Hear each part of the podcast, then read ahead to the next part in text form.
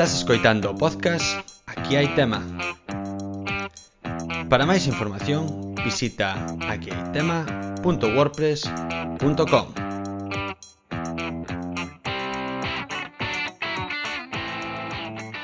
Ola, que tal? Como estades todos? Benvidos de novo a Aquí hai tema despois deste período vacacional no que espero que todos pudésemos descansar o suficiente Xa estamos en setembro, setembro de 2020, este ano que parece enmeigado. Eh, ben, supoño que o lóxico agora pois será pois o típico, non? Anunciar as grandes novidades da nova temporada que imos a comezar. Pero a verdade é que o que temos basicamente é moito material xa grabado da época da cuarentena e pois si, ímolo ir sacando, non? Oxe temos a segunda parte onde nos quedamos no tema da, da enerxía, pero, ben, tamén vou a facer algo que parece que é un pouco está un pouco de moda nos medios de comunicación que comezar eh, pois este repaso ou, ou calquera historia que fagas pois falando un pouco das, das novidades da, da pandemia ou non sei do tema este do coronavirus. Pois ben, unha, unha cousa que, que me chamou a atención últimamente é que eh, pois abriron de novo as, as bibliotecas, xa se poden visitar. Eu estou visitando unha, bueno, estou indo a, a de Vila García de cando en vez, eh, a verdade que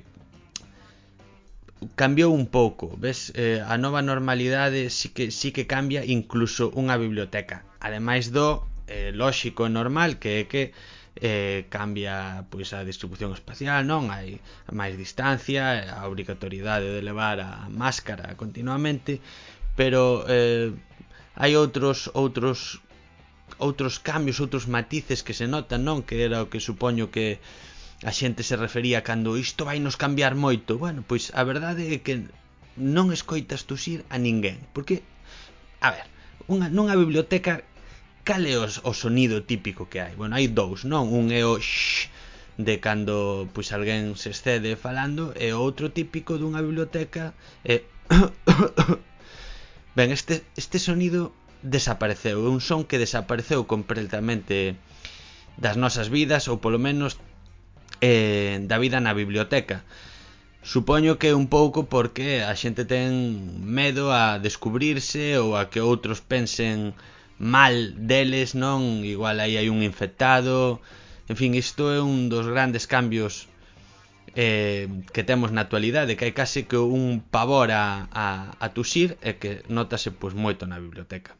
E ben isto a colación de que eu estiven reflexionando sobre pois o tema do da Covid e de, das formas de, de contaxarse e pois na biblioteca estamos todos coa máscara de tal xeito que como non falamos e só respiramos, pois se, se hai algún infectado, máis probable que lle queden os virus dentro ou apenas apenas se podan mover, non?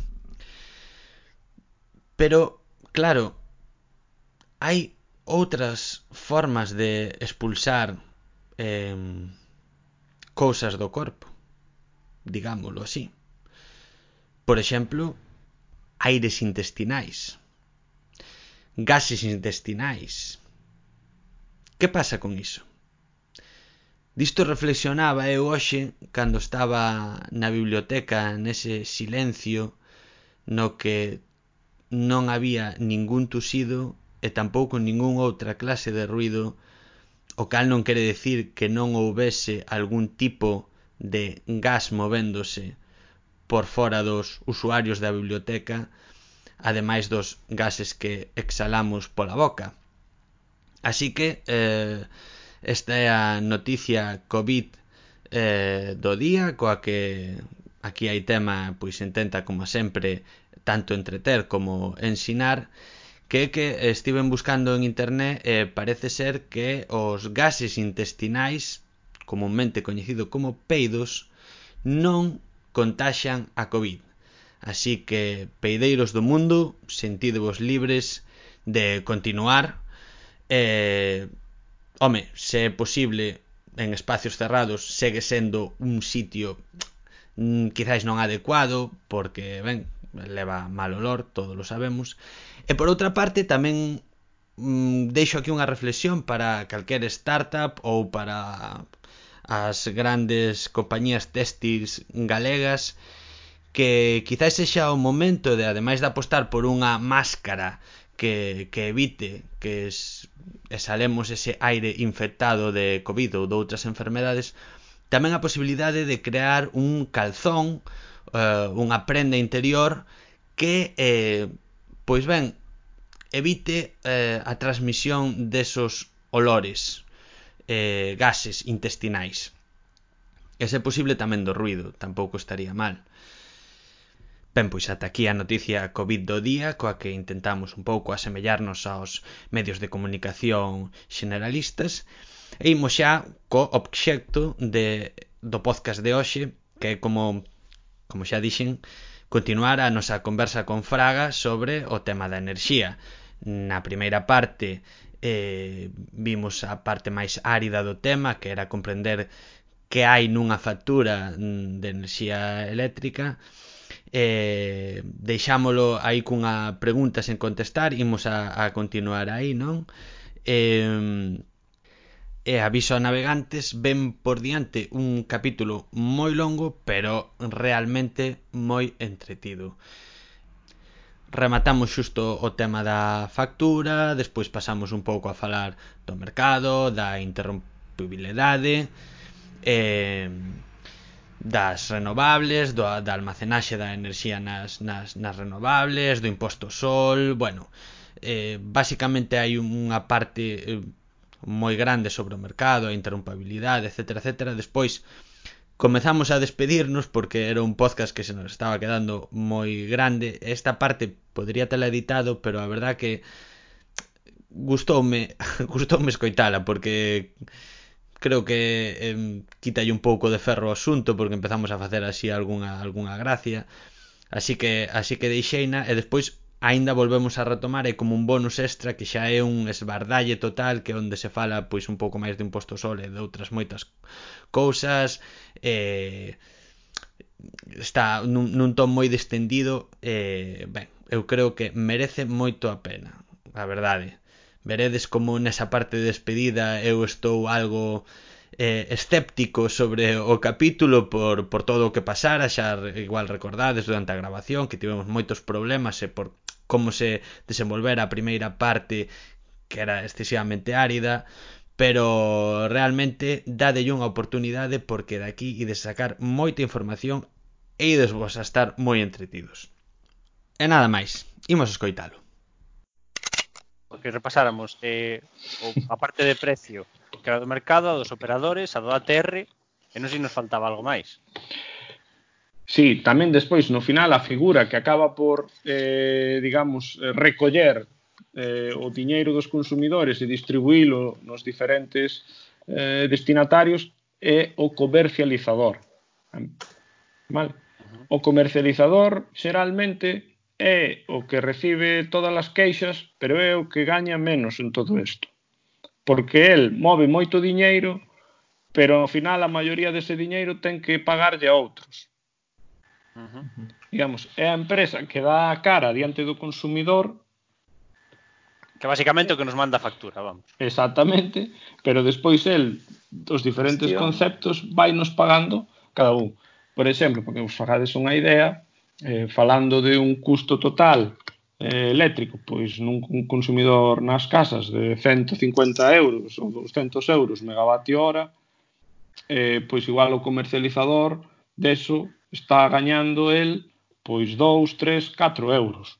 A maior parte é para pagar o ATR, para pagar o mercado, para pagar os custos do operador do sistema. Uh -huh. Pero mira unha pregunta, os que producen a electricidade aquí neste país non son os mesmos que logo a comercializan. Claro. Eh, hai em, temos empresas comercializadoras, empresas xeradoras, empresas distribuidoras que eh, mm, en moitos casos pertencen ao mesmo grupo, pero en realidade son empresas diferentes.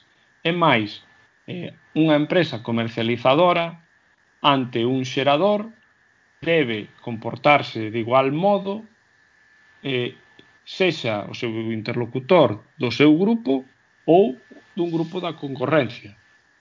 Vale, por eso ti cando estás na túa casa podes cambiar de Endesa a Iberdrola ao que claro. queiras e ao final a enerxía sempre cha manda a mesma empresa que a que ten, non? Exactamente. Que, vale. Sí. vale, vale, vale. O sea, Eh, aquí en Galicia, tradicionalmente, eh, digamos, Unión Fenosa ten moita presencia porque é o propietario das redes de distribución, pero, eh, digamos, un pode decidir eh, cambiar o seu comercializador eh, a calquera outra empresa que opera no ámbito da Península Ibérica. Uh -huh. mm,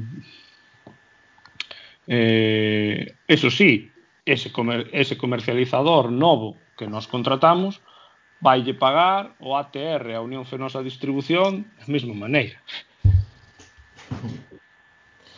Bueno. Pois... É unha pregunta que igual igual é un triple, así por sensación xeral. Eh, mm.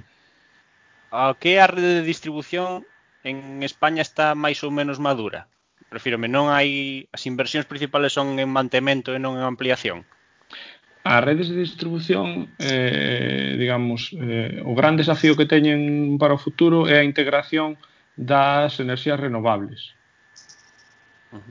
Es, entón debido ao novo desenvolvemento de todas as enerxías renovables vai ser necesario unha gran inversión en redes de distribución para eh, elevar eh, a enerxía dende eses novos puntos de, de, de, de xeración aos consumidores. Eh, se, non, se non fora así, pois sí, estaríamos falando de que a, a, a redes de distribución, digamos, neste país, pois xa están, eh, digamos, desenvolvidas.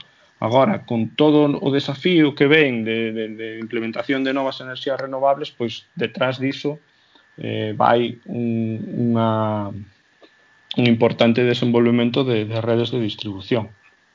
Casi, porque se miras os números máis ou menos e que o máis o máis caro da factura son, digamos, o, o, xer, o que corresponde á xeración, que máis ou menos é entendible que sí que teña unha gran infraestructura, que sí que hai desarrollo, hai proxectos novos, e claro, outro gran coste é o de o de distribución que tampouco, por menos non se ve de nivel de calle que haya grandes Sí, pero pero tamén pensa que nese custo que chamamos, digamos, de ATR, de acceso de terceiros ás redes, non só eh, está a retribución ás empresas de distribución.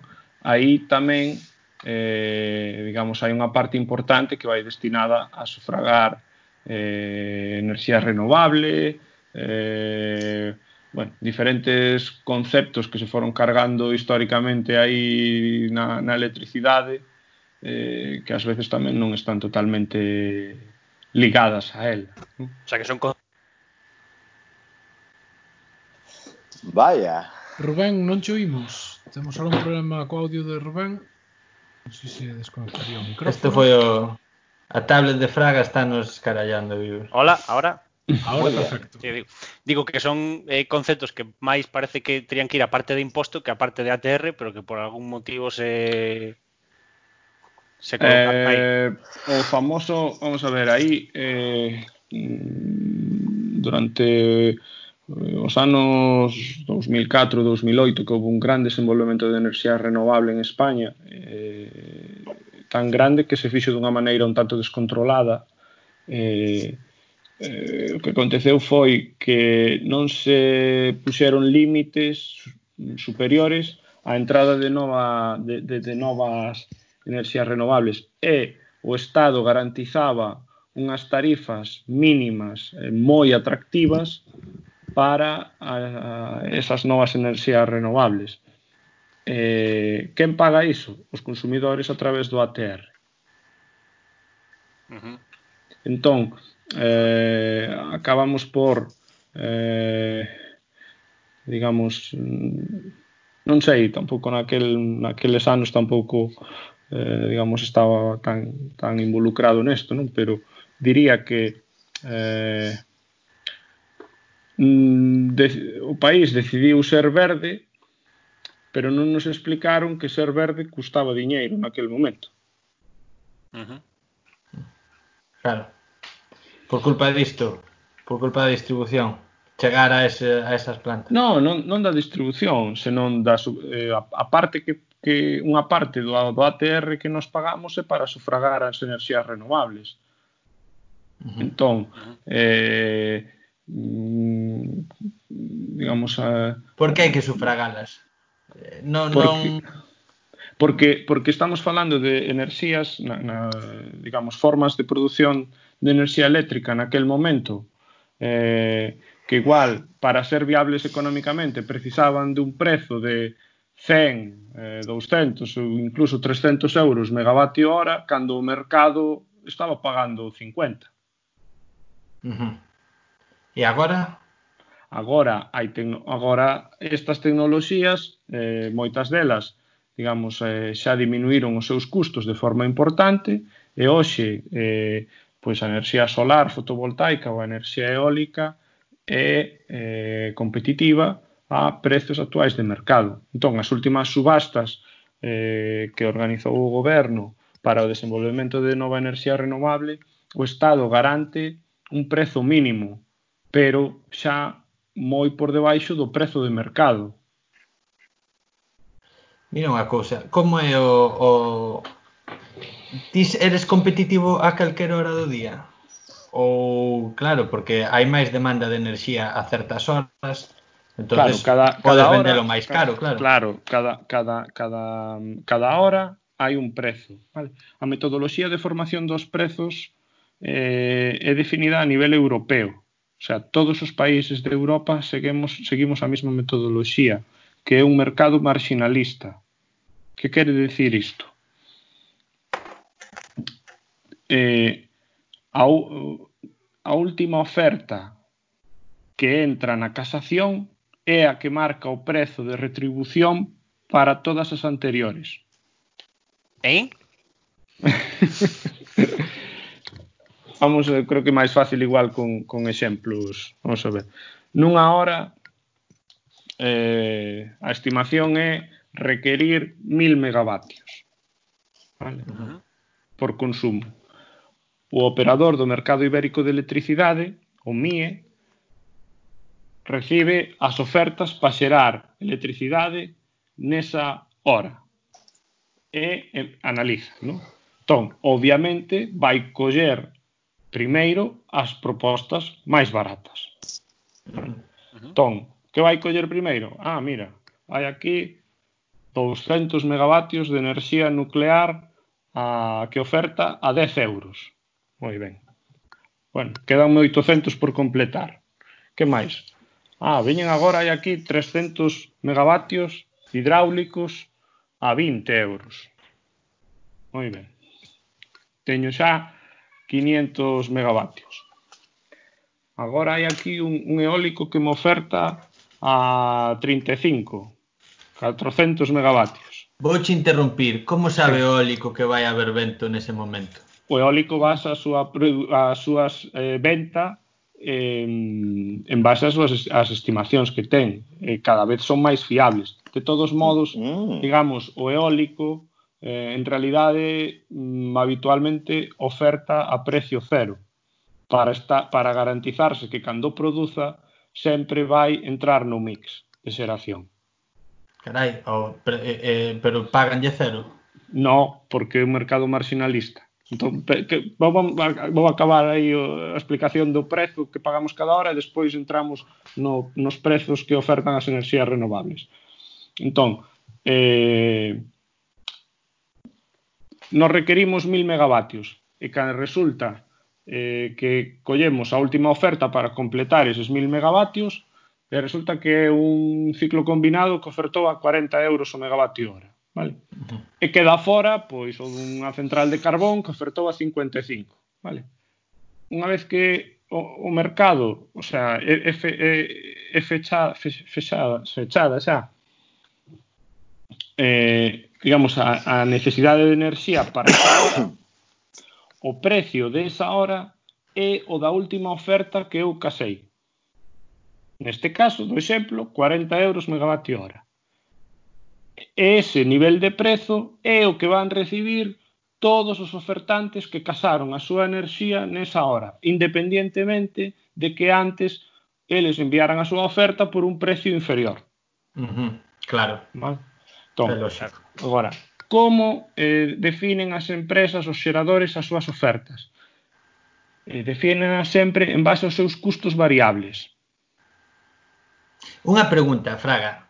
Eh, porque eh, según vas contando isto, a, pois se un é mal pensado, pois pensaría que se poden poñer de acordo esta tecnoloxía con esta outra e bueno, como sabemos sí. que o precio final vai a ser a da última, pois claro, a da última que vai un pouco hinchada e aquí gañamos todos. Claro, aí depende Hai alguén moito... vigilando que non sí. poña un sobreprecio.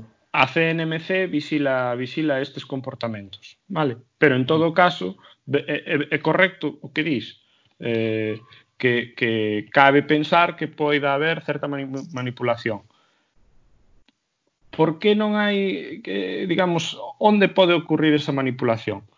Esa manipulación podese dar especialmente en casos concretos nos cais eh, as empresas dispostas a ofertar a enerxía eh, son moi poucas por diferentes razóns. Se, non, se, se temos un pico de consumo moi elevado, pois chegaremos a un punto no que habería xa moi poucas empresas ofertando e a precios moi elevados. Uh -huh. Pero tamén, digamos, podemos decir que un, son as regras propias do mercado, non? A unha maior demanda, pois habrá un o, o prezo eh, subiría. Uh -huh. Eh, mm, Entón, o que vos, os, o que vos quería decir é as empresas definen os seu, as súas ofertas habitualmente en base aos seus custos variables as empresas de xeración renovable eh, teñen custos eh, variables moi baixos. O, o mantemento das instalacións en proporción á enerxía que xeneran é moi baixa. Uh -huh. Vale? Entón, unha vez eles fixeron o seu investimento, que é moi grande, ao longo dos 20, 25 ou 30 anos de vida útil que, que eh, esas parques de xeración renovable teñen, os seus custos son, son moi baixos, vale? Entón, eh, agora, só cubrindo os custos variables non gañan diñeiro, porque fixeron unha inversión moi grande e non, non a están recuperando. Por que a recuperan? Porque normalmente que marca o prezo da enerxía son enerxías térmicas, que son moito máis caras. Cando falamos de enerxía térmica é a xeración con ciclos de gas combin de ciclos combinados de gas natural ou eh, eh, centrais de carbón. Vale? Uh -huh. Entón, por exemplo, en España temos un mix de xeración pois moi diverso. Entón, temos 7.000 megavatios de enerxía nuclear. A enerxía nuclear ten, ten varios problemas, pero a nivel de operación un deles é que non pode parar. Xa. Entón, como garante unha central nuclear eh, non ter que parar, pois ofertan a cero. Entón, desa maneira, sempre van entrar na, no, no mix de, de xeración. Vale? A ver se un día se equivocan todos e ofertan todos a cero.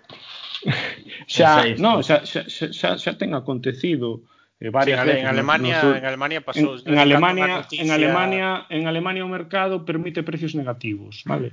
En España as regras do mercado eh, marcan que o mínimo é cero. Uh -huh. Vale.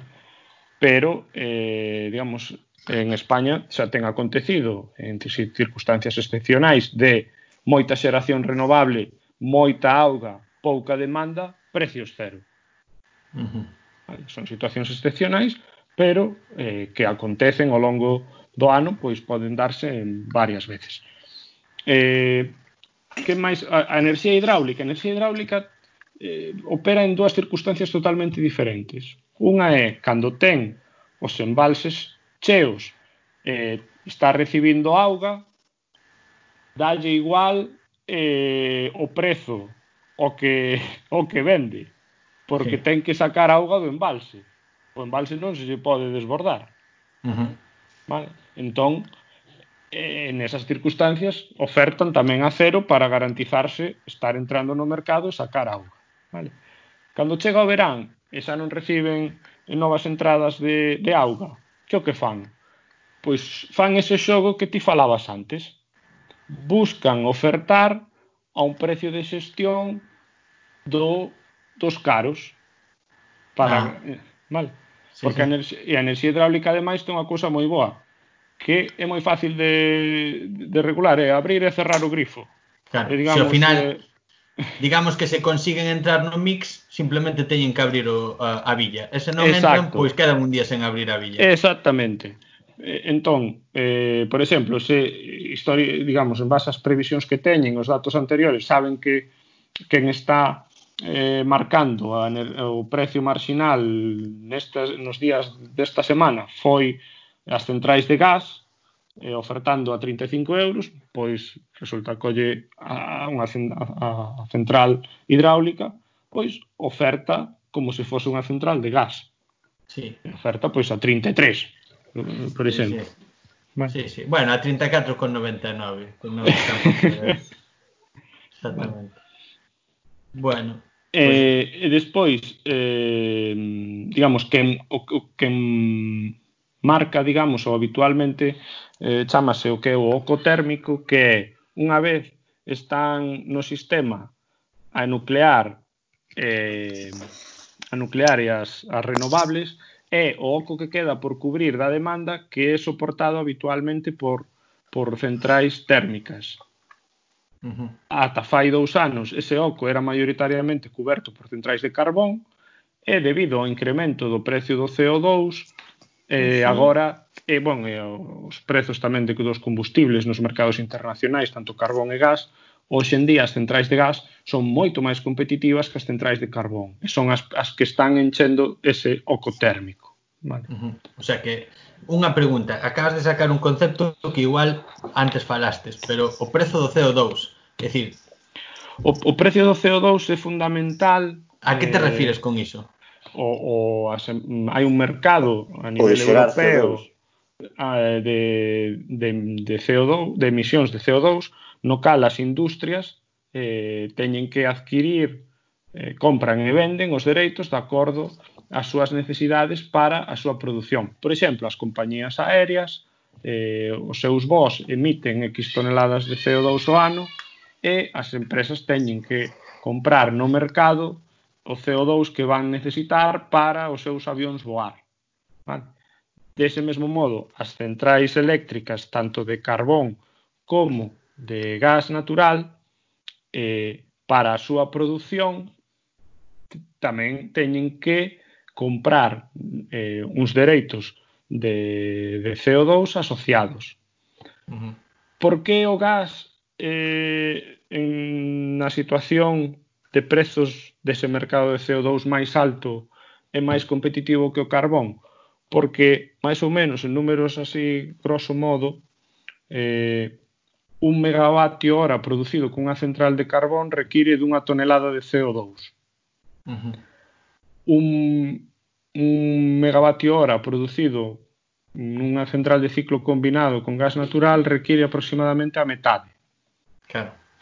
Entón, estamos falando de fai sete, oito anos, o precio do CO2 derrumbouse pola crise, era 4, 5 euros por tonelada. Pero hoxe estamos falando de 20, 25 euros por tonelada.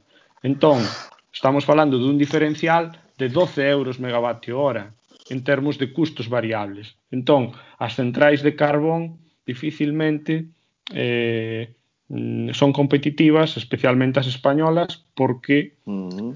eh, non temos carbón nacional de, de calidade. Rubén. Sí. Rubén, micro. Conecto, conecto micro, Rubén. Que falas de mercar, mercar CO2, eh, eh, a, a quen? Ou seja...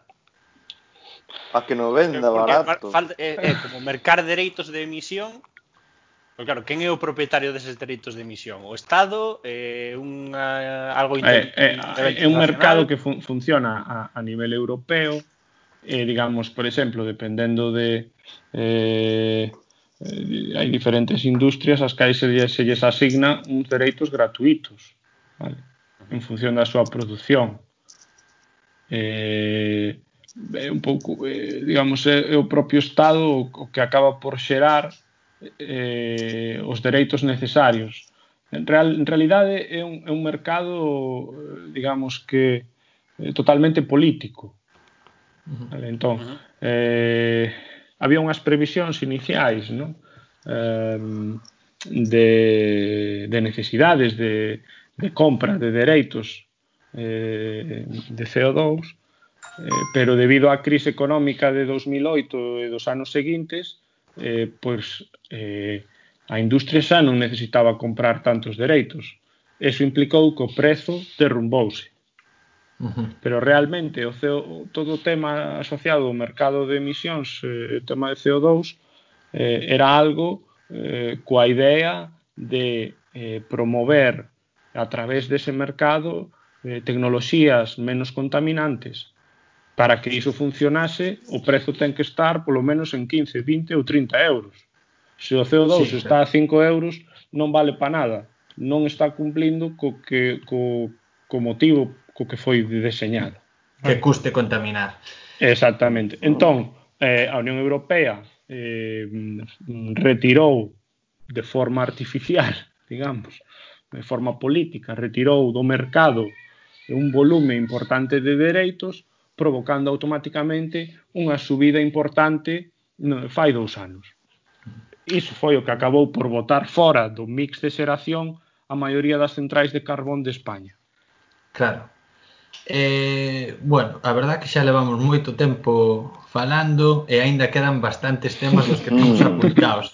entonces a ver, eu, eu teño por aquí eh, un par de cousas que desde logo neste cuarto de hora que creo que máis ou menos nos queda eh, había que mirar un pouco, non?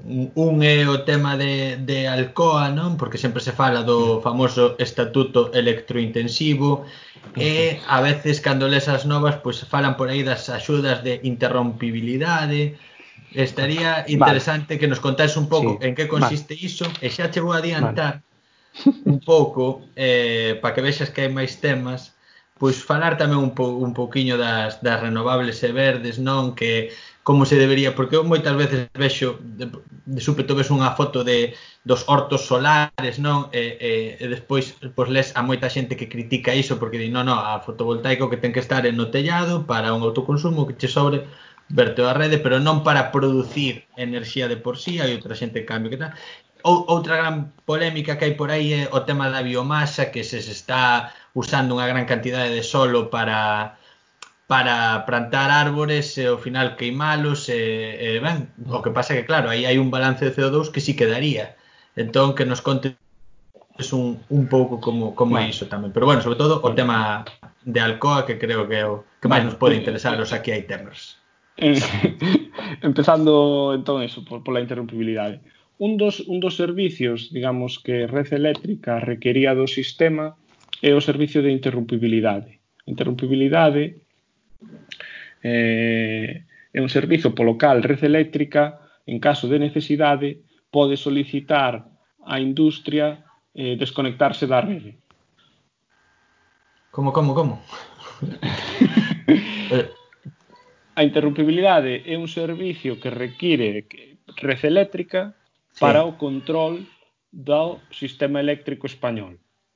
Sí. En que consiste que en caso de necesidade de que, te, de que fallaran todos os eh, sistemas anteriores fallan, estamos a punto de ter un apagón uh -huh. antes de ter que apagar o suministro dunha cidade eh, con 200.000 habitantes, sí. pois eh, pídenlle a unha industria que se desconecte. Ajá. Máis, unha cláusula máis que un servicio, non? digamos porque é algo peyorativo, digamos, é malo para pa, pa a industria en sí. Sí, pero a, in, a industria recibe unha compensación por prestar ese servicio. Vale. Ajá. Vale. Ese servicio que tamén foi sempre moi criticado ou hai moitos titulares eh, Red Eléctrica eh, gasta 700 millóns de euros en un servicio que non usa. Xa. Ah, o sea, porque paga un canon, digamos, a, a... Págase, eh, bueno, isto veu cambiando moito nos últimos anos, pero digamos ata 2014 eh, o custo anual deste servicio era do entorno dos 750 millóns de euros, eh, digamos que se pagaba eh, eh, digamos, eh, independientemente de que a industria fose ou non parada eh, por solicitude de red eléctrica pagábase págase pola disponibilidade. Exactamente, eso era o que iba a decir. É como un seguro, nós pagamos o seguro do coche e decimos, eh, o coche levo 20 anos pagando seguro e non o sei nunca. Vaya, é, a idea, é a idea. Vale, é a idea. Pues, eh, eh, eh, exactamente para a rede eléctrica a interrumpibilidade é como un seguro. Claro. Eh, eh digamos, e que pasou? Estas axudas bueno, desapareceron últimamente ou como é a historia? Esto, Onde hai polémica? Eh, a polémica ven que, eh, digamos, eh, a Unión Europea eh, estuvo sempre vixiando e eh, indicando a España que o sistema de interrumpibilidade tal como estaba deseñado eh, podía ser considerado como axudas eh, do Estado ilegal ilegais ás industrias porque non estaba deseñado dunha maneira competitiva. É dicir, eh, simplemente había que cumplir unha serie de criterios en base a, eses, a, a, a unhas fórmulas de cálculo recibíase unha retribución. Uh -huh. vale? Pero non había competitividade entre a industria para prestar ese servicio.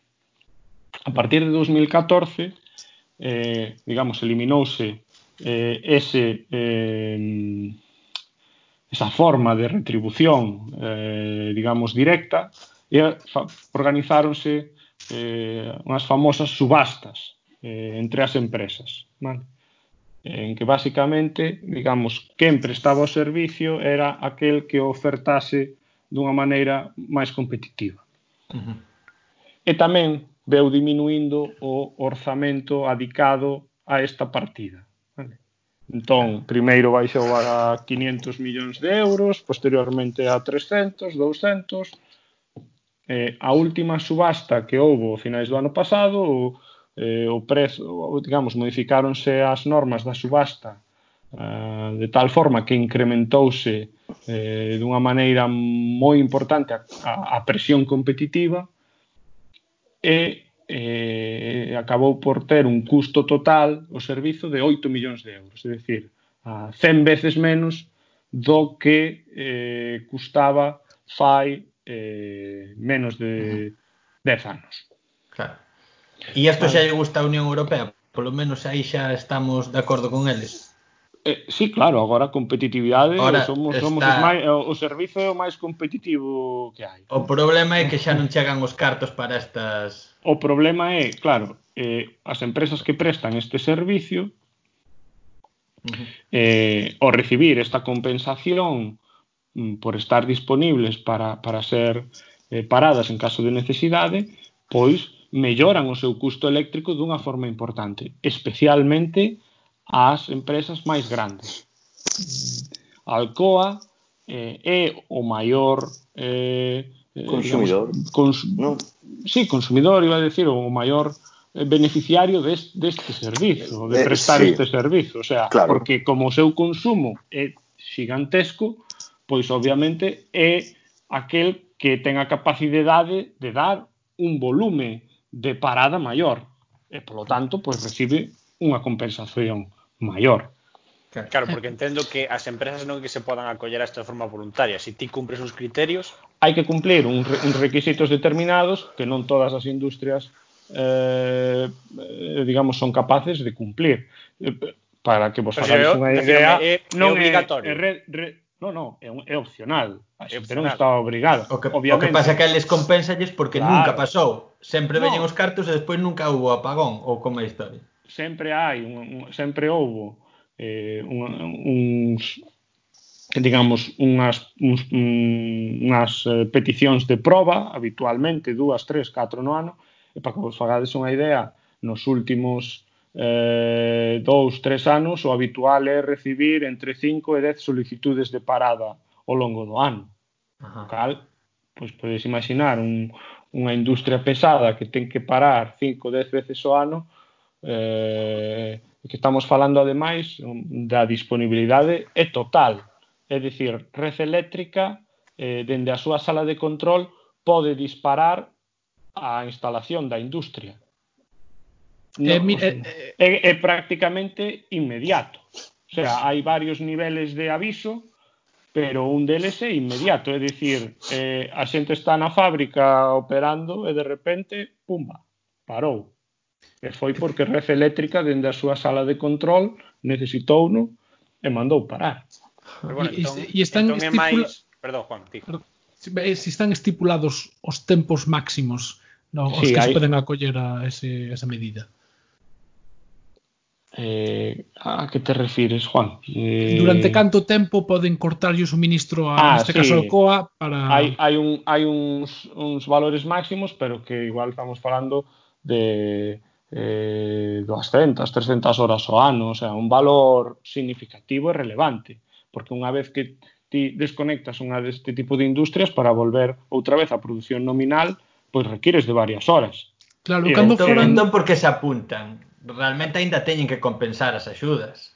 Vamos a ver, despois da última subasta de interrumpibilidade, houve moitísimas empresas que ao nivel de prezos que se estaba pagando por prestar ese servizo consideraron que non era interesante. Claro. Claro, pero nese sentido as empresas tampouco que perdan e que quedan como estaban. Salvo que ti contes con ese ingreso que tes Vamos por servicio de interrumpibilidade para a túa conta. Claro, sí, pero ti tamén, claro. pero, pero ti non sabes exactamente cantas veces te van parar. Entonces, ti podes decir, eh, risco, eh, claro. eh, ti claro. asumes o risco, dis, eu vou pensar que me paran unha vez. Entón, claro, entón máis que un eh, seguro é unha aposta. Eh. Agora mesmo as empresas fan unha aposta, sí. Mm. As empresas teñen que facer unha aposta, porque se, se pensan que os van parar 30 veces no ano, pois non hai cartos que o paguen. Uh -huh. eh, Vale. Claro, eu, eu, por exemplo, recordo o caso de Alcoa fai uns anos que creo que tuvera que parar a, a, a fábrica de, a, de Avilés por mor das chuvias, creo que se inundara ou algo así, e o parecer, o parecer, según lin eu, era tan caro volver a poñer un funcionar, é dicir, requerían dun, dun, dun, dun digamos dunha, dunha exixencia enerxética tan grande que foi cando se empezaron a, a, que, a, a debatir que si compensaba volver a poñela en marcha ou pechala. Bueno, eso, eso tivo que ver con unhas inundacións eh, moi fortes que houbo eh, ali en Avilés eh, e que dañaron as cubas electrolíticas. Entón, a, a, a, digamos, o adecuar de novo a instalación para volver a funcionar tiña un custo moi elevado. Aí finalmente eh, creo que o Principado de Asturias pois tamén, digamos, eh, contribuiu a, a mellora e a reforma das, das cubas e volveuse poñer en marcha. Pero eso é unha, unha particularidade da, da, da, da electrolisis, da produción de aluminio eh, primario que as cubas eh, digamos teñen un teñen que estar sempre operativas e eh, eh, se a parada da, da produción non é feita de forma controlada pois sufren uns danos enormes uh -huh. Fraga sí. sobre o, o estatuto electrointensivo Exacto. Eh, a, a, a interrumpibilidade eh, como tal eh, digamos, veu cambiando de forma importante nos últimos anos eh, e ademais a, a cantidade de megavatios eh, digamos que prestaban ese servicio tamén foi diminuindo vale? entón o goberno eh, digamos o que veo a decir foi bueno, este servicio da interrumpibilidade vai no prestar moi pouca xente eh, eh, digamos unha cousa máis reducida moi específica pero digamos, nós vamos a continuar eh, dando un apoio á industria electrointensiva mediante unha norma que eh, se vai coñecer como o Estatuto do Consumidor Electrointensivo. Vale.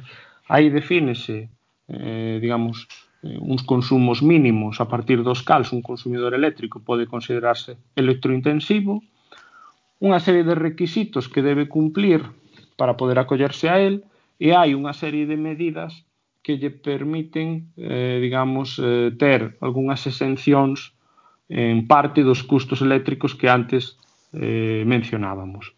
Para poder beneficiarse tamén dese estatuto, hai que asumir uns compromisos de manter emprego durante eh, X anos, eh, medidas de eficiencia enerxética que son auditadas. Vale, entón, a idea do goberno era, digamos, eh, eh, compensar a perda da interrumpibilidade con unha nova medida regulatoria coñecida como Estatuto de Consumidor Electrointensivo. Eh, iso eh, saiu un último borrador a comezos de ano, estaba previsto que en abril eh, fose publicado de forma definitiva, eh, pero, bueno, coa crise do coronavirus, pois, eh, ficou todo, todo parado. Probablemente, pois, en canto se levante o estado de alarma, pois, aos poucos días, eu creo que será eh, publicado. A medida máis importante que, que contempla o estatuto electrointensivo é que a industria que se poida eh, acoller a él vai ter unha exención eh, nese custo ATR que falábamos antes, hai un porcentaxe eh, do prezo que se paga que vai destinado a sufragar as eh, enerxías renovables. Ben, ben, pois a industria electrointensiva vai quedar exenta de pagar esa parte eh, do ATR. Claro. Comentar que a miña empresa para canto tempo? 20 anos, 15 anos, houve unha chuvida do río Ródano aquí e tamén tiveron que pechar o taller e levaron para mm. Italia. Pero nisto había máis estrategia de querer unificar a produción en Italia que, que fora moi caro volver a, a facelo funcionar. No. Pero si esas cousas pasan coas inundacións, arrancar unha sí. empresa de novo a veces non é viable. Despois, eh, Miguel, outra, a segunda pregunta que me comentaras... Eh... O das renovables. Eh, ah. Bueno, pues... Vale. Eh, unha, unha, unha cuestión, eh, digamos, moi, moi importante. Eh, eu o, recomendo bueno, a quen teña curiosidade no tema, entrar na, na páxina web de Red Eléctrica, eh, habitualmente a mediados de ano publica un informe completo eh, do, digamos, da xeración eléctrica eh, no ano anterior. Vale? Agora mesmo xa está disponible o do ano 2019 eh, e aí pois podese ver datos moi, moi interesantes. Entón, en España temos máis ou menos uns máis de 100.000 megavatios instalados uh -huh. de enerxía. Vale?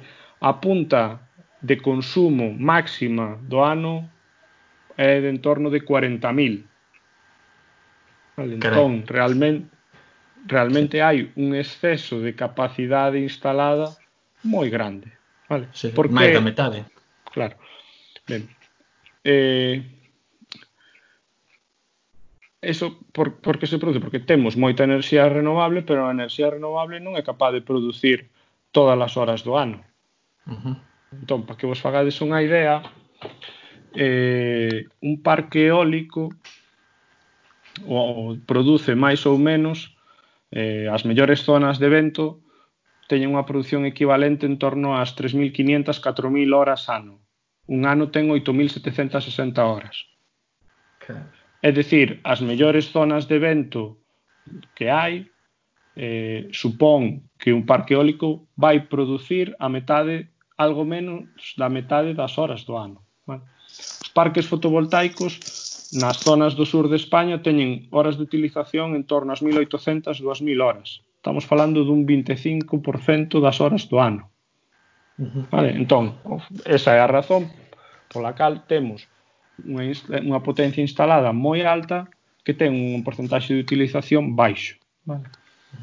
Hoxe en día, en España, hai eh, 7.000 megavatios de, de enerxía nuclear, uns 14.000 megavatios de carbón que teñen previsto a maior parte e van pechar o fin deste mes, 30 de xuño de 2020, e eh, dúas ou tres centrais que van quedar operativas, pois dúa, a maioría delas cerrarán ao longo do ano 2021 e 2022. É dicir, dentro de eh, tres anos eh, só quedará en España unha central de carbón en Asturias eh, que, digamos, ten unhas circunstancias excepcionais porque aproveita eh, gases de combustión da central de ArcelorMittal e por eso ten uns custos variables excepcionalmente baixos e permítelle ser competitiva a diferencia das outras centrais de carbón. E sobre todo onde se atopa?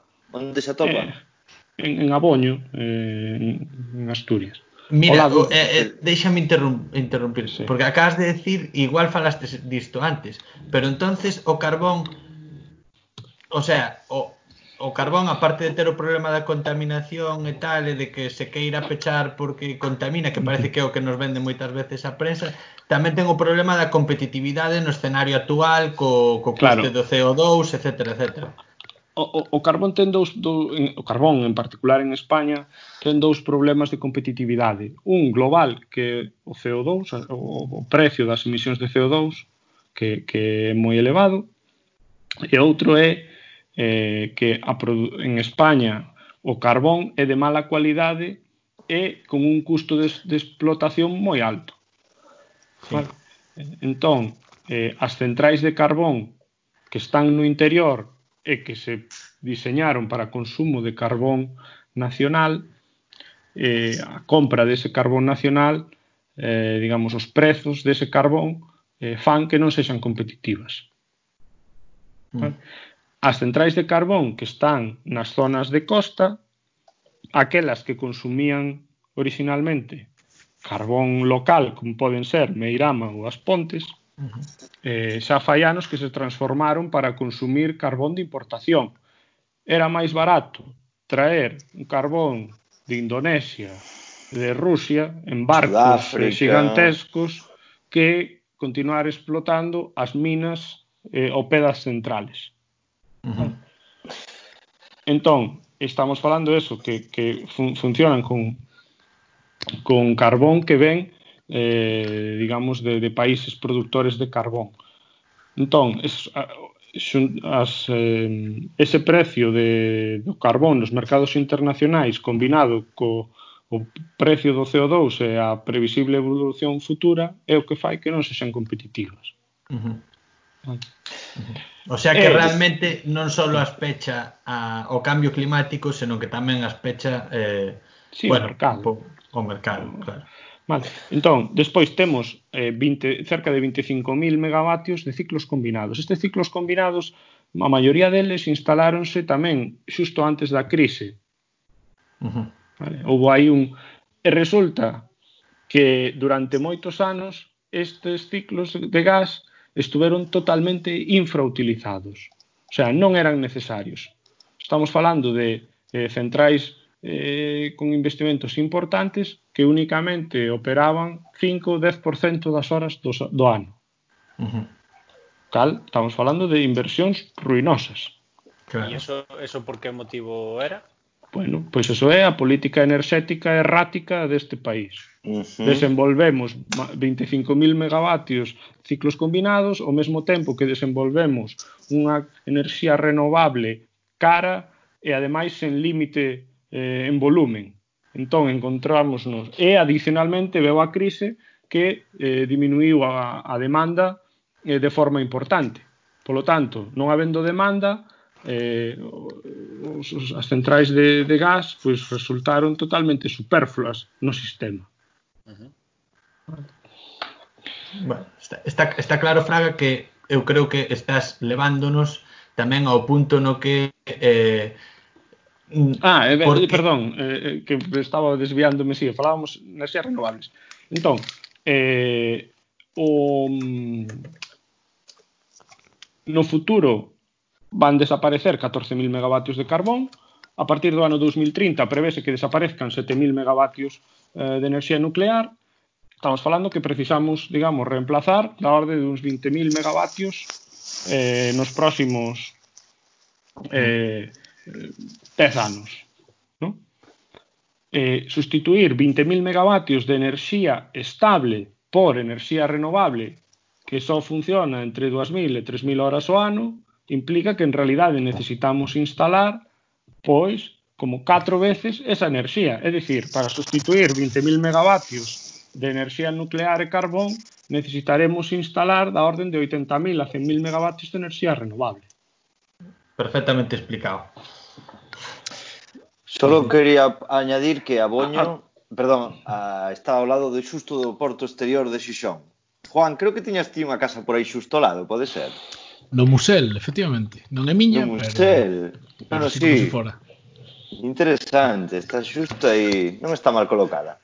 Please. Non, ten unhas vistas preciosas de todo Xixón.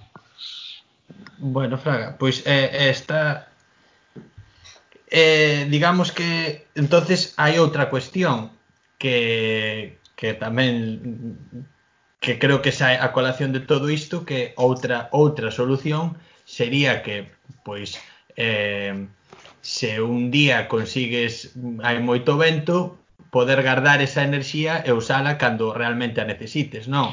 É dicir, ou, ou, ou necesitas un sistema que sexa moi estable e que poda producir os 365 días do ano ou necesitas que os excesos de enerxía renovable cando se produzan se pudesen almacenar e verter na, na rede cando, cando fose necesario. Como está ese tema? Exactamente, eso, eso é fundamental unha das, das cuestións máis importantes é que eh, o sistema eléctrico é definido en base a situacións extremas.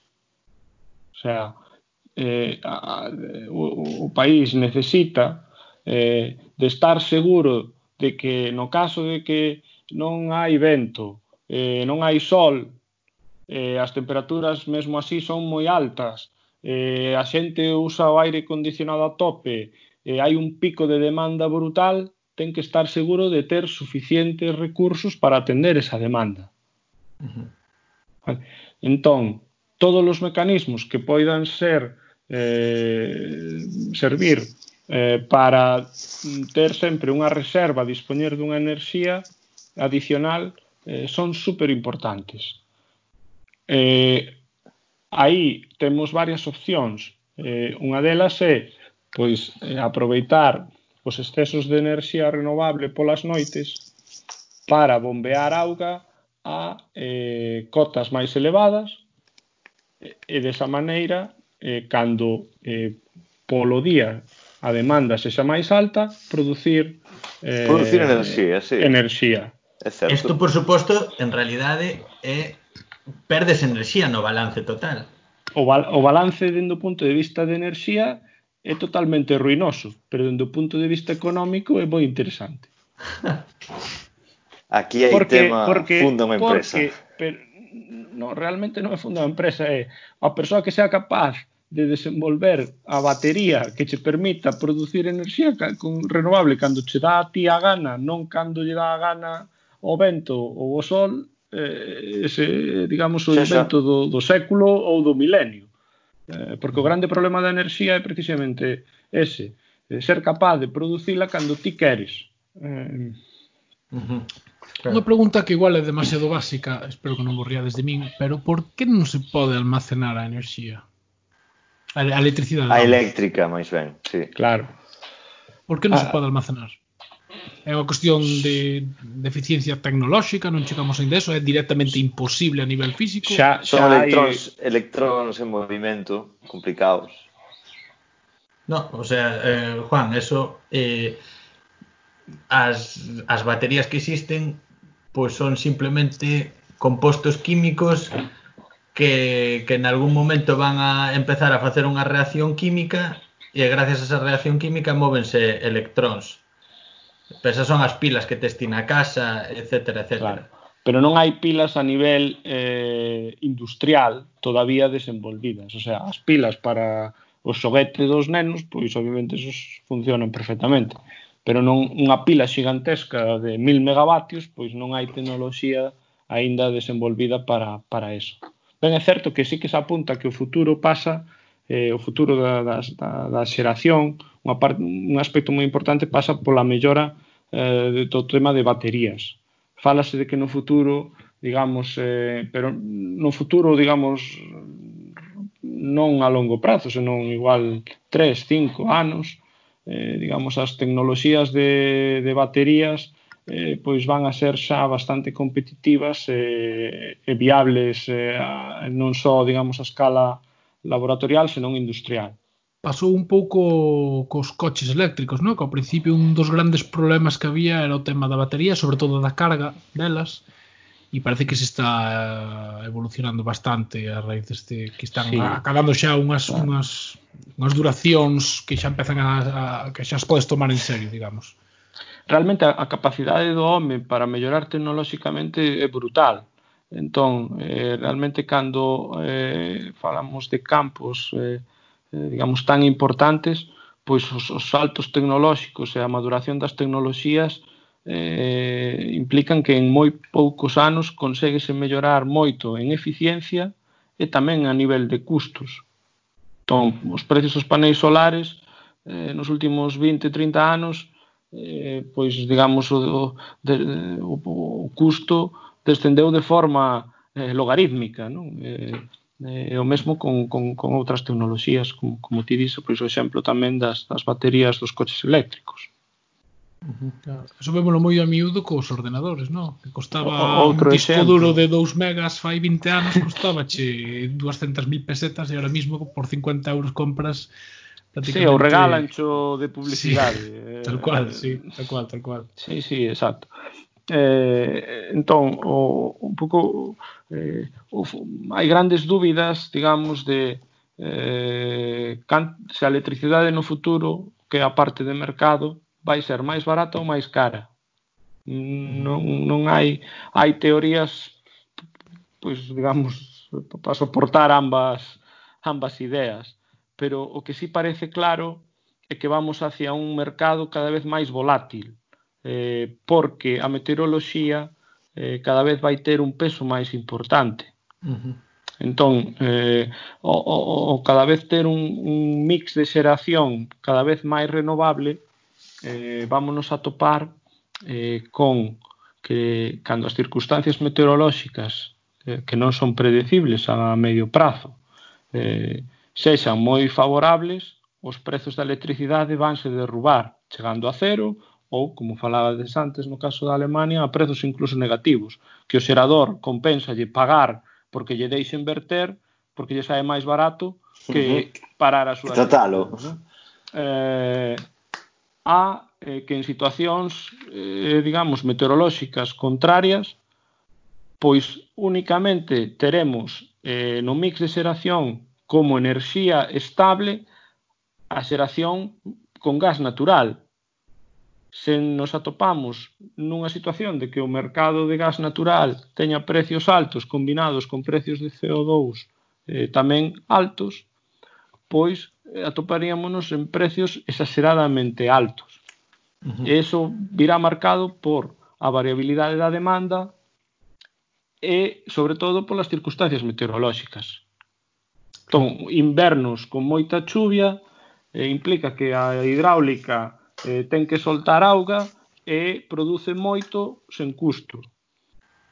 Se atopamos invernos secos, pero moi fríos, que implican demanda alta, eh, apenas senseración eh, hidráulica, e que non tiveramos vento, pois entón teremos que usar toda a nosa capacidade disponible de centrais de gas natural que ofertarán o precio que lle dé a gana e o precio vai ser moi alto. Eh... Claro, quizáis o que, o que apuntaba antes Miguel, quizáis pase un pouco polo, pola autoxeración e o autoconsumo a través destas baterías Tesla que tamén hai para hogar facendo unha especie claro. de mix. Eu, in, in, in, ah, invito invítovos nese sentido eh, a visitar a web da empresa galega Norvento eh, que, que ten unhas oficinas en Lugo eh, 100% desconectadas da rede ten unha combinación de enerxía eólica, solar, eh, baterías, eh, non sei que máis, non me lembro ben, pero que permítelles que eh, non precisan eh, do soporte da rede para ter suministro eléctrico. É dicir... Norvento, es, un paso eh, hacia tu independencia energética. Esa empresa non precisa de pagar o ATR que vos mencionaba sí, antes. Completamente, in... sí, claro, claro. Agora, eh, isto tamén, eh, ese modelo eh, lévanos a, a un escenario eh, un pouco perigoso, eh, que é quen ten, a cap quen ten a capacidade de desconectarse da rede? Aquel que ten diñeiro para investir na enerxía eh, na xeración de enerxía de tal forma que lle permita desconectarse. Entón, se cada vez quedamos menos e menos consumidores enganchados á rede, cada vez seremos menos consumidores a pagar os, cus, os mesmos custos que soporta mm, toda esa rede. Entón, os ricos poderánse desconectar da rede e os pobres terán que pagar o que deixan de pagar os ricos. Eh, que porcentaxe do consumo eléctrico en España é dos fogares e cal é do in, da industria? Aproximadamente. Pois, mira, para que te fagas unha idea, eh, mm, mirando na páxina de, de Red Eléctrica eh, o consumo, digamos, de hoxe, atópaste eh, que polas noites tes un consumo mínimo do entorno de 20.000 megavatios, que estamos falando maioritariamente de consumo industrial. Pero polas noites nas casas, pois o consumo é, é, é despreciable. Pois, un congelador... É, eh, e tes salvo, o pico, salvo un, pico das 10 da noite. Que... E tes un pico de consumo eh, digamos a unha da tarde do entorno duns 30.000 megavatios. Uh -huh.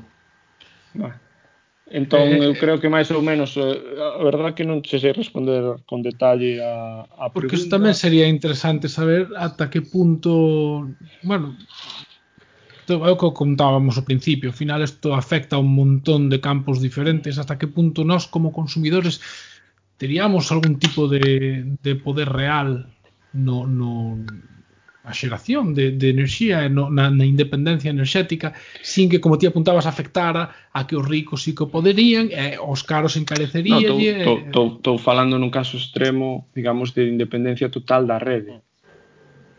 Sí, eh, sí, sí, que, moi complicado. Sí que poderías traballar para ter unha parte importante ou, ou non tanto pero que sí que compensas a certo punto, ti compensas a túa, o teu consumo con parte non da rede, pero tes unha parte Aí a, a, a chave está en, en nos temas de autoconsumo e o balance neto. Que quero decir con isto? É, se, se a normativa che permite que, eh, digamos, eh, tes que facer eh, o, net, o neteo da xeración co consumo hora a hora ou che permite facer por agrupacións de períodos horarios ou incluso de días ou de meses. Escoita, mira, eu isto non entendín, pero de todas formas, de todas formas, non é posible que ti sigas conectado, non? Entón consumes agora que hai sol e ti tes o teu panel, entón vai todo fenomenal. Despois hai sol, pero ti non estás consumindo nada claro, e vertes a rede. Que, sí, pero non podes que, verter a rede. Sí, ti podes verter a rede. Pagando... Eh, Sí, pero ti tens que pensar que a, a rede de distribución é diseñada para soportar unha situación na que ti non tes sol e ti non xeneras. Claro. Vale? Ben, entón, eh, ti tes que pagar pa, para esa, ese dimensionamento, independientemente de que ti despois eh, non o uses todo o ano.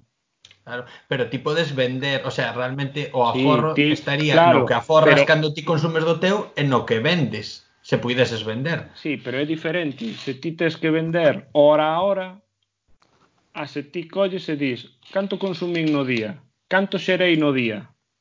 Xa. É moi diferente facer a conta en base horaria, en base diaria ou en base mensual. Vale. Incluso tamén sería moi diferente o, o grado de expansión que ten, porque é unha cousa que ti vertas e outra cousa que 5 millóns de persoas como a ti, que nese momento non necesitan que decidan verter, que entón non vale para nada. Exactamente. Claro.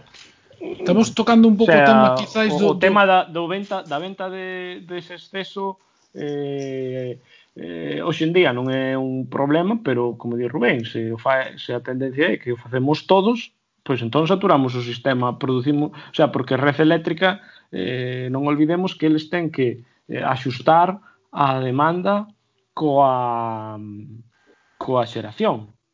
Mm. Se todos nos poñemos a vender, pois sobralles a enerxía por todos lados. Claro, e ademais ti estás fora dese mercado grande. Exactamente, nós non operamos nese mercado. Ti para poder, digamos, entrar nese mercado, teste que declarar eh, digamos, un consumidor. Bueno, bueno pero a, a persoa que a que ti lle vendes esa co gran comercial, comercializadora podería facer tamén se sí, a comercial, a, no, a comercializadora unha estimación eh, de canto sí, vas a gastar ti, canto che vai a sobrar e polo tanto a, comercial, a, a comercializadora é precisamente a figura que participa nese mercado eh, e fai esa, esa labor. Uh -huh. E o axente no, no mercado para a venda dese exceso. Vas poñer paneles solares despois desta conversa, Claro. Eh, pois, pois nos, nos a empresa estamos agora mesmo estudando varios proxectos de paneis solares eh, para autoconsumo. Había unha lenda urbana eh, que era agora, que te metían eh, na cárcere. No, no, eso, o imposto sol, pero sí. uf, se sacamos outro tema máis, non sei, eh, o, o, vai nos esto xa. O, o, o tema do imposto ao sol eh, bueno, era un pouco aquelo, precisamente aquela cuestión que vos indicaba antes de como se facía ese balance de neteo, de xeración, consumo e venda dese exceso que antes viñase dun marco regulatorio moi favorable para, eh, digamos, o autoconsumo en pequenas instalacións e en aquela altura, pois o, o goberno eh, naquel momento pois modificou ese marco regulatorio para algo que facía eh, que ese neteo fose totalmente desfavorable eh, bueno, pois digamos denominouse de forma eh, simplificada pois o imposto ao sol pero basicamente era viña un pouco relacionado con eso Bueno, pois pues non sei se queredes falar algo máis ou deixámolo aquí. A verdade é que Buf, isto dá pa, isto dá pa, sí. Vou non escoitar, eh. Isto igual dá pa outro podcast, claro. Este grabado, eu, eu, queridos, eu creo queridos que eu creo descargade este podcast para ter no vosso coche, escoitalo de vez en cando cando queirades, eh. Eu creo que quedou demasiado árido, non? Un pouco Sí, é pero posible, o tema é, é árido. Non dimos dar o cachondeo a todo o mundo cada vez que escoitan o, o podcast. É un tema denso, un tema informativo 100% e un tema que hai que escoitar con moita concentración, non é como di. Denis, non vai creo que... cachondeo, efectivamente. No, e aparte, para a próxima semana petroleros son interesantes moito prejuizo, moito a mi, a, como decía, a Miguel non o, ve, non o vexo satisfeito a Miguel, eh. No, creo ah. que é máis complicado, quedou máis complicado do que eu pensaba, pero bueno. En, eh, sí, sí que quedan moitas máis preguntas, creo eu, eh. Sei o que pero di Miguel. Nosos ointes son xente con altísimo nivel intelectual que están preparados para isto e moito máis. Demasiado. Moitas ganas de aprender. Os nosos ointes non pasan do ATR, vamos a ser sinceros. Imos ter que gravar si, outro si alguén chegou ata aquí, por favor que nos tuitee. Si alguén sí. chegou, si alguén que está sí, sí. a escoitar isto, que por favor nos mande un tuit aunque sexa un punto ou cunha un cara que diga, triste ou cunha Magdalena. Eh, un meme, Magdalena. un meme, un meme de Bear Grylls con eu escoitei o capítulo de, de electricidade do podcast. Sinto moito, eu, eu pero é que eu creo que é un no, tema. Eh. Bueno, pois pues, complexo. Nada, é un eh, tema, é un eh, tema duro. E agora de, de querer, bueno, pois pues, transmitirlo con detalle, pois, pues, bueno, Eu quizás entrei en... Teño unha ah, última ah, pregunta, en, si queres. En detalles en exceso, fíxose moi, moi, moi aburrido. No, aburrido eh, que, non, para nada. No, no, non hai que confundir denso con aburrido. Claro, absolutamente. O que digo é que é moi complexo. Eh, eu xa sabía que iba a ser, certo. pero a verdad que asústame un pouco. Ademais, eh, Fraga ten moitísimos porque coñecementos. Eu, eu intentando, a veces, perdía un pouco o fío, sabes? Tan, Normal. Miguel, para a semana a pues... falamos de gustos musicais e xa recuperamos a audiencia. Unha cuestión, Fraga, ti vas pagar Strava? Ti vas pagar ¿Qué? Strava? Eu, eu vou pagar Strava, sí. Ainda pois non, pero vou pagar eu Strava. Eu creo que tamén, entón. Eu creo que tamén. E non habería unha forma de utilizar eses pedaleos de Strava para oh. engarcharte a rede en momentos Aten de Ah, con rodillo, non? Co rodillo. Para cargar, rodillo. Pa cargar a túa propia rede, que busco conto un... Ainda que fora un USB, unha, un puerto USB para enchufar o móvil e cargalo mentre pedaleas. O, o, o, mm. o bafle cos que, co que escoito. Claro, eh, claro, claro. Hai por aí un, Outra. se un vídeo, un documental dun campeón, campeón alemán de ciclismo en pista que para mm, activar unha tostadora e facer unha torrada. Sí. Eh, mm, Igual quitarse vosas, sí, ah, igual quitarse vosas ganas, eh? Vale. No, porque claro, unha resistencia evidentemente o consumo é moitísimo maior que de Danke schön pola súa información. Un ventilador ou unha cousa que requira menos. Sí, sí, sí. ¿No? Bueno, total que Así que imos tardar en ser eléctricamente autosuficientes. Bueno, pero pues eso podes botar a conta, que o rodillo mide os vatios perfectamente. Claro, unha tostadora igual son, que son, serán mil, mil vatios, pode ser. Mi madriña. Xa no, que ser, creo que eran claro. 400, 400 vatios. 400. Bah, eh, das, das pequenas, das cutres. Si xa ten, si xa ten doble rebanada, igual En Coruña son de mil vatios, Juan. Tirei un pouquiño, pero bueno, son, son 800, sí, por aí pode ser, eh, de dúas. A Depende que a miña é dos longa, eh. completas. Bueno, pois xa así para non acabar tan densamente. Non, non, non me parece non me parece mal se non o gravades e o publicades, entenderei no perfectamente. no. no, publicaremoslo. Igual non lle facemos moita publicidade, pero bueno, xa contemos, tampouco vamos tan sobrados. Na, pero eu creo que quedou, quedou interesante. Sí, eu teño que escoitalo, porque en realidad faltoume escoitar a metade No, pero non mellorou, é eh, eso que non escoitaste. No, eu creo que agora ao final houve temas moi interesantes realmente. Eh? O sea, mm. temas destos que quedas pensando, joder, pois pues, carai, isto tal, e cousas como mix e tal que pareceme que eran moi interesantes. Pareceme que a primeira parte quizáis eh, home, explicar a factura, isto que significa, isto non sei que, claro, eso pode ser algo que tire para atrás. Entonces, se, o que dixo Juan, se alguén chegou ata aquí, que o comente, por favor. Mm. Sí, no, regalamos que, que regalamos que, vatios de potencia. Que cunde porque todo o mundo ten moitas ideas preconcebidas sobre isto. E é como é moito de a renovables no. sí, o carbón e a nuclear moi mal todo e que poñer todo renovable, é xa, que ti, non é tan agora fácil. ti non podes decir que non queres emitir CO2 e despois ir protestar polo peche da central das Pontes.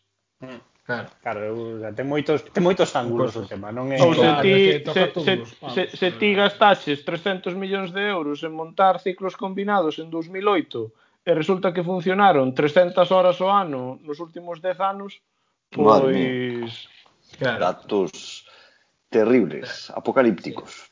Eh, bueno. En fin, veremos cal é o futuro. Eh, e escoitaremos de novo o podcast. E escoitaremos aquí hai tema como sempre. Sí, e daqui, e daqui en dous anos volvemos a falar do tema, a ver como está. Sí, porque isto renovase bastante polo que vexo, polo que teño sí, escoitado. Sí, no. Bueno, deixamos moitos obrigados ao a, a fusión e a fisión e todo. Bueno, sinto que fose tan... No, no, tema, que eh... tema geografía do Pirineo volvemos te chamar. Seguramente tamén se quede ben. Home, eso dáselle mellor que nada. Ai, ai, ai. Que, bueno, Juan quedoulle sen batería. Apagouse má cámara. A cámara desde o que irónico. Non, eso que non estaba pensando non xestionas, non xestionas ben o mix, No. Cal será a mellor hora para gravar o podcast a próxima vez? Xa o estaba pensando para intentar meternos no mix. Imos co bonus extra, a parte final. Sen coñecemento suficiente, non?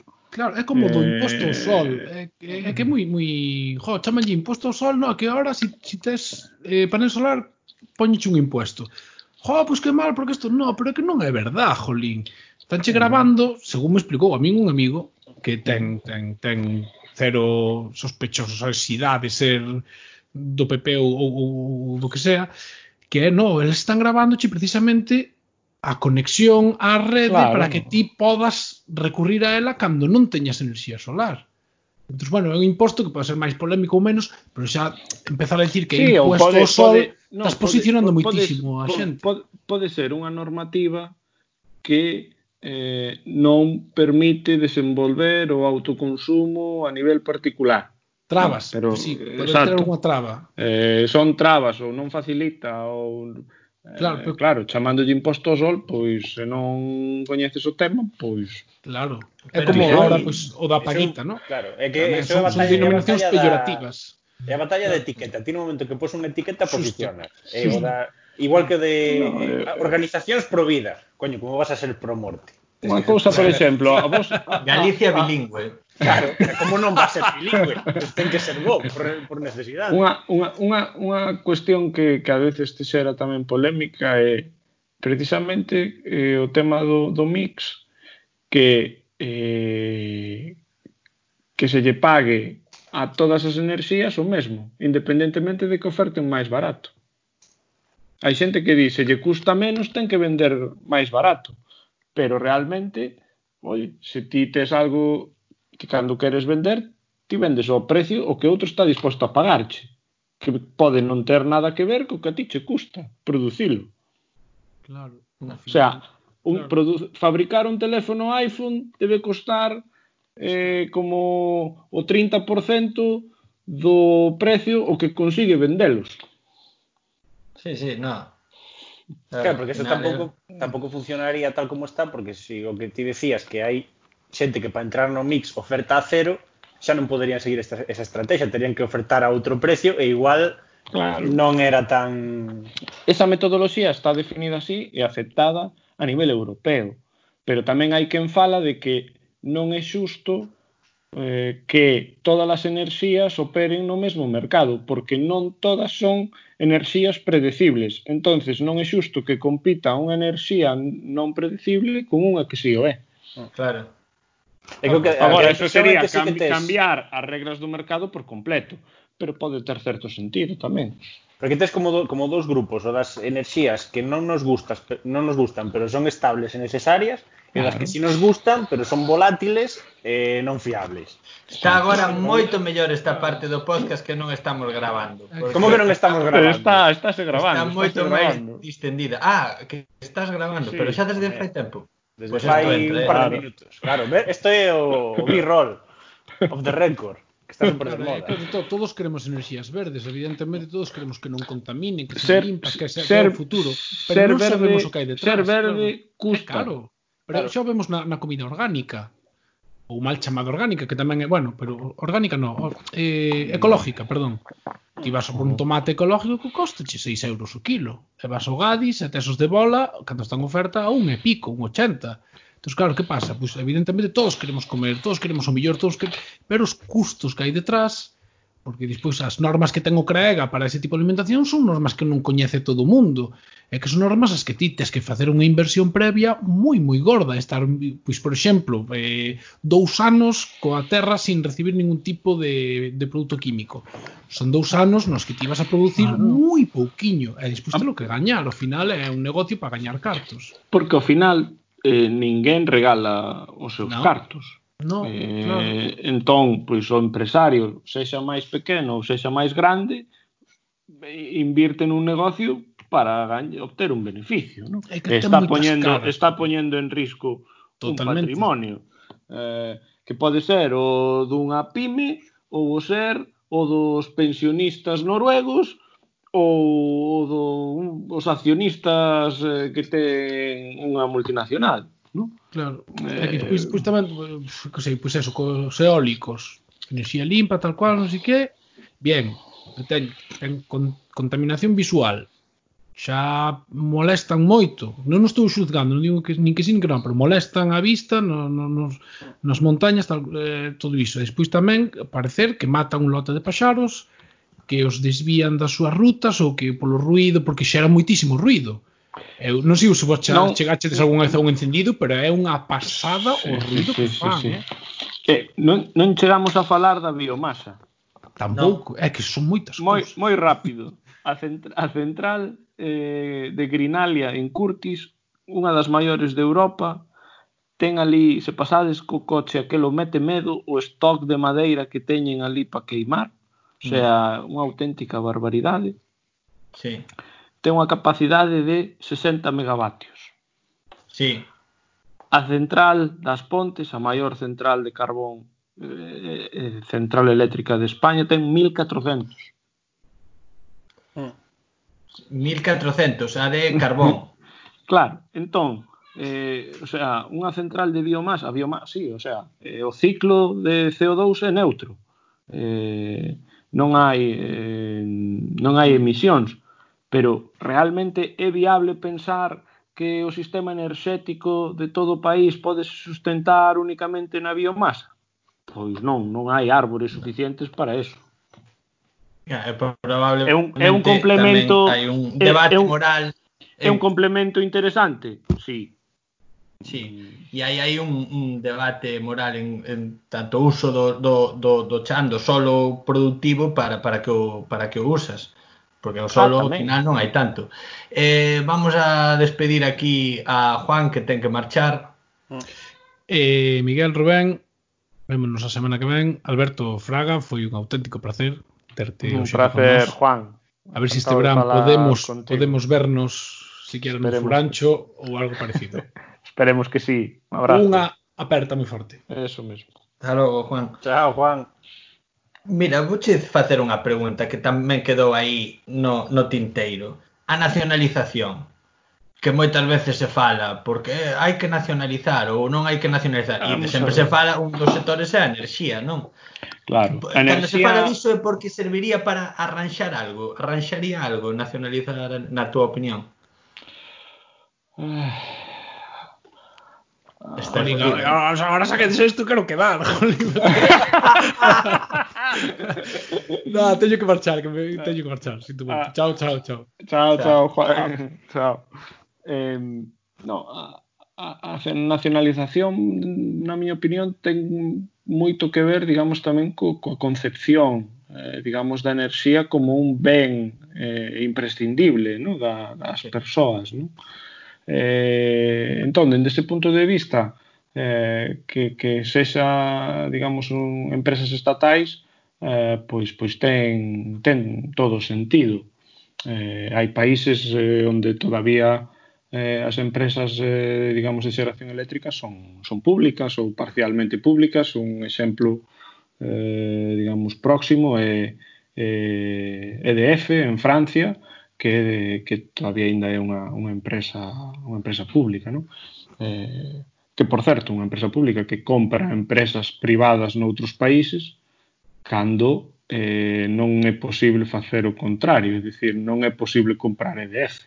O sea, claro. é tamén discutible, hai aí un pouco un, en termos de reciprocidade de, de, de, de, da, das relacións entre as empresas e os países.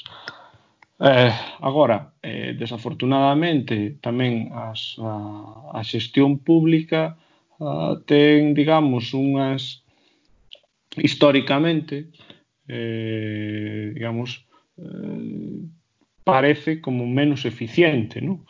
Eh, agora, esa perda de eficiencia eh, hipotética que pode ser que non ocorrera, hai empresas públicas que, que son moito máis eficientes que as privadas. Pero, bueno, vamos asumindo que ese mantra non? que existente de que as empresas públicas son menos eficientes.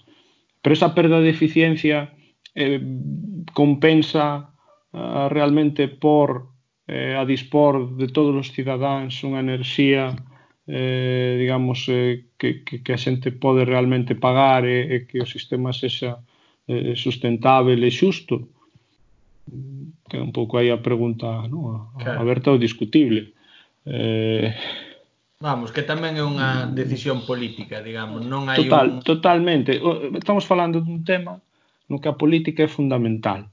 Eh, a estrategia enerxética dun país eh, basease na política. Por exemplo, temos agora un goberno eh, cunha, sobre todo, un Ministerio de Transición Ecolóxica eh, digamos, moi potente, eh, con moito peso dentro do goberno, e que está marcando claramente eh, a, a orientación, digamos, eh, industrial e enerxética do país.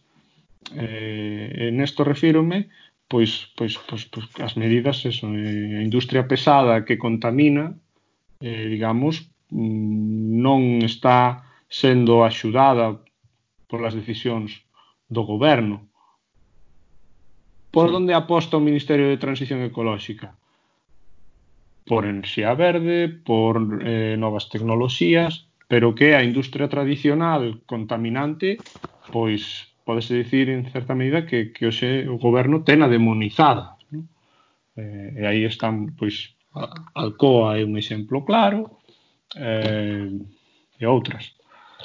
Eh, Eh, caso de Alcoa, caso de Alcoa, Alcoa ao final é, é, un, é un proceso digamos productivo eh, que depende enormemente de ter un custo de electricidade moi competitivo. España, por diferentes razóns, eh, non ten nin na parte de mercado, nin na parte da TR, nin na parte, digamos, de servizos de xestión que poidan prestar as empresas eh, consumidoras ou eh, exencións eh, non está para nada ao nivel de outros países.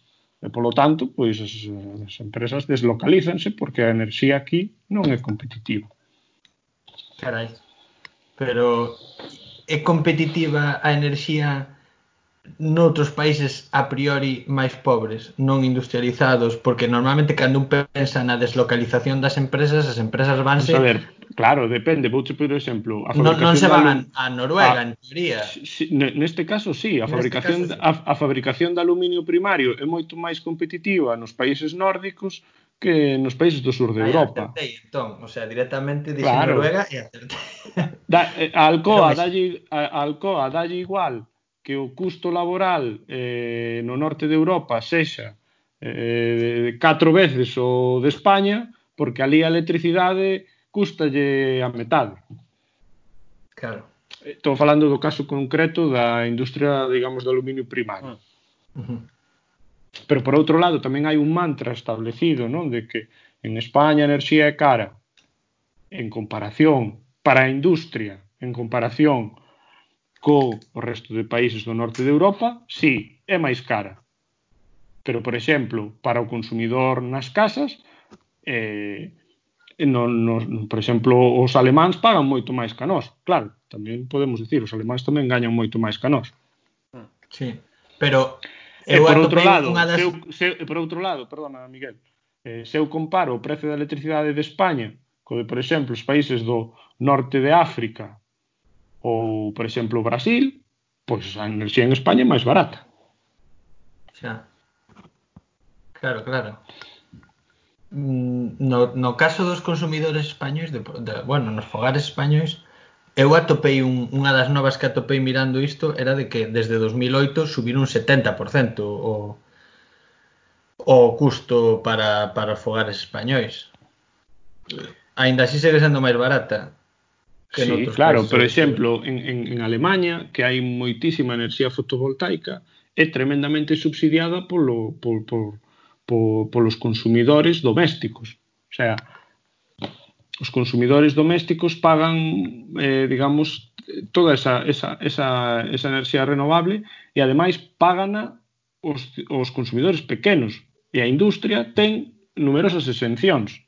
Claro. Agora. Pero que pagan? Que, cando dis que pagan, refíreste a que pagan a inversión que se tivo que facer?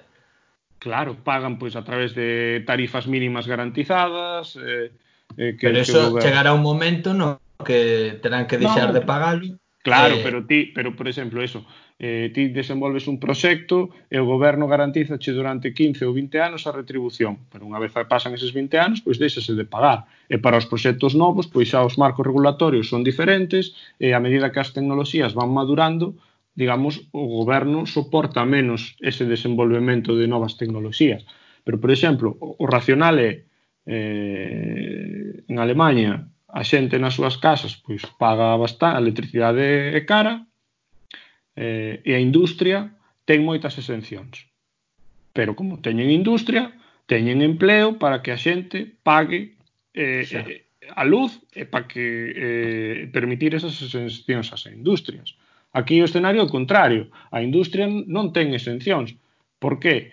Eh, eh, non se, o sea, as, as decisións políticas nunca son orientadas a que o cidadán pague eh, pague máis, porque é antielectoral. Uh -huh. Claro, claro. que nese, nesa noticia... Se a nos en Galicia nos din que temos que pagar 10 euros máis ao mes no recibo da luz para que Alcoa fique, cal é a decisión? Que facemos? É unha boa pregunta, unha boa reflexión. Pois o de sempre, o, todos os que viven alrededor da Alcoa din que sí, o resto din que non. Exactamente. Igual. Igual que no caso das Pontes había un, un mogollón de movilizacións. É ben curioso como os políticos sempre se posicionan Sí, coa xente, coa, coa, coa xente que está na rúa. Claro, claro. E despois igual no outro lado do pois din outra cousa, non? Porque bueno, é ben curioso. Mm. Non sei. Este é un tema moi complexo tamén aí porque podes ferir, a ver como lle dis, como lle explicas ti agora, pois pues eso, unha persoa das Pontes que que ademais probablemente aí eh, non foi unha central que quedou parada Eh, bueno, foi unha, foi, para, eh, para, para que vos fagades unha idea, Endesa gastou 200 claro. millóns de euros en modernizar a central das Pontes para continuar operando ata 2040. Fíjate. Prácticamente un claro. ano e medio despois de comezar a inversión, as circunstancias do mercado de CO2 e de combustibles internacionais fixo que tomaran a decisión de cerrar no prazo de dous anos, unha vez eh, esgotaran os stocks de carbón que tiñan ali acumulados. 200 millóns de euros de inversión. É increíble. Ti, que... Tirados a basura. Claro, que eu, eu que entón, falabas... Aquí, de, de, demonízase e tamén moito, eh, porque fan cousas eh, pois as veces que, que, que, que son discutibles a, as empresas, pero que acaban de tirar o lixo 200 millóns de euros. Mm. Sí, sí. Claro que eso, é un problema político no sentido de que non hai, o que decías, errático, o sea, non hai claro. un plan claro. Aquí mm, igual ven un un goberno X eh, fai un plan e eh, X anos despois cambiase o goberno e cambia o plan completamente. Entón non tes ningunha forma de de diseñar unha estrategia a medio largo prazo que o que necesitas para, para poder funcionar. Está todo tan interconectado que non tes forma de manter a industria senón eh, mantés a mm, a provisión de enerxía. A provisión de enerxía está ligada á industria. Eh, todo está ligado á sociedade. Entón necesitas un plan global amplio para, para poder funcionar. É un plan claro.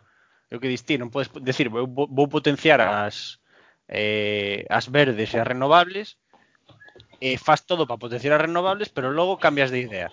Entón, todo eso non vale para nada. E vas para outro, para outro lado. Moitas veces falase de países, eh, repúblicas bananeras, non? Eh, sí. países que cambian o marco regulatorio unha vez o partido xa comezou, non? Cambiar, mm. bueno, sí. España cansouse de perder pleitos nos nos nos tribunais eh de arbitraxe internacional pola modificación das regras das renovables de, despois de, de ter eh, a xente feito as súas inversións e perdeu todos os pleitos. Lógico, que é lógico, se ti faz o que dis. Eh... E non, non, a, a imaxe do país de cara aos inversores internacionais é de que non somos un país fiable. Mm. Uh -huh. ah, pois iso sí que é complicado, claro. Ola de novo, xa que vos pareceu, supoño que Supoño que estaredes dicindo, Dios, que capitulazo, como botábamos de menos, aquí hai tema, claro que sí, Dios mío, a enerxía, que temazo, que temazo. Pois sí que un temazo, a verdad, mira, para despedirme vou vos dicir que despois disto, despois de gravar este podcast, Google que ten un, xa sabedes, é moi intelixente, está nos escoitando, observando todo o tempo, agora mesmo tamén, eh, pois mándame un mogollón de, de noticias sobre a enerxía. Eh, son moi interesantes. Eh, hai un futuro aí que é increíble. Hai cousas que quedaron por falar neste podcast, aínda que pareza increíble despois de, de tantos minutos. Pero mira, só por por falar dun, dun, dunha pequena, non? Eh, o tema da, da enerxía nuclear, que papel xoga en todo isto, non? A enerxía nuclear que, que está chea de, de bueno, de, de tópicos e, eh, e eh, e sobre todo que dá moito medo, non? Eh, por exemplo, a serie Chernobyl Chernóbil ou o desastre este de Fukushima, pero ao mesmo tempo cando escoitas aos expertos sobre a loita no cambio climático os, os maiores ecoloxistas realmente ou polo menos os máis prácticos apostan por, eh, polo uso das renovables o máis que se poda e por un fondo, non? Esa enerxía que como xa oístes no, no, no podcast que hai moitos problemas para almacenar necesitas como unha enerxía que este sempre aí pois que realmente a única coa que se pode cubrir esa demanda e eh, combater o, o cambio climático é a nuclear entón non hai que desbotala pero ao mesmo tempo danos medo ben eu por exemplo eh, ademais de ler pois, moitas noticias eh, comprei agora recentemente un libro estou no lendo aínda agora que é sobre este tema chamase La energía nuclear salvará el mundo eh, moi interesante eh, escrito por Operador Nuclear que é un tipo que está nas redes sociais moi activo e eh, a verdad que é un tipo moi inteligente eh, moi, moi interesante se vos, se vos gusta este tema. Eh, porén na descripción eh, eh, pois a súa canle de Youtube, por exemplo. Tamén porei na descripción, por certo, algunhas das cousas que se falaron aquí eh, que falou Fraga. Tamén decir que nun momento fala Fraga de que probablemente despois da despois da, da, do estado de emerxencia apróbese, aprobarase ese estatuto electrointensivo pois aínda segue sen estar aprobado, aínda que tamén É certo que novamente existe a promesa de que se vai aprobar en breve, pero, vaya, con todo o tempo que pasou, calquera fai unha predición. Quizáis cando ti escoites isto, pois sega sen estar aprobado. Veremos a ver. Volveremos a contar con Fraga no podcast, non dubido para nada diso, xa sexa para falar do tema da enerxía, do tema de residuos no que ele é un auténtico experto, ou pois de ciclismo, que tamén se lle dá moi ben. Eh, nada máis, vou vos deixar xa que eh, estiven esta fin de semana no Festival da Luz. Eh, acordeime agora polo tema da, da enerxía, non? Pois mira, estive no Festival da Luz e eh, a verdad que gustoume moito Terbutalina. Eh, así que vou poñer aquí un pequeno corte para despedirme, supoño que non lles molestará. Eh, E desfrutade, bebede cantade, non vos pido máis esa outra canción. Ata a próxima aquí hai Temers. Chao.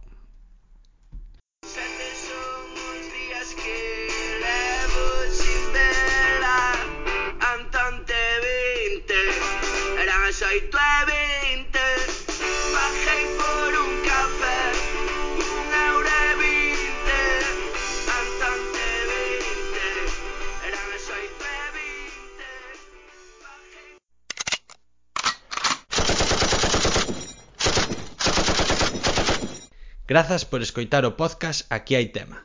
Se che apetece, podes deixar un comentario en aquihaitema.wordpress.com. Ata logo.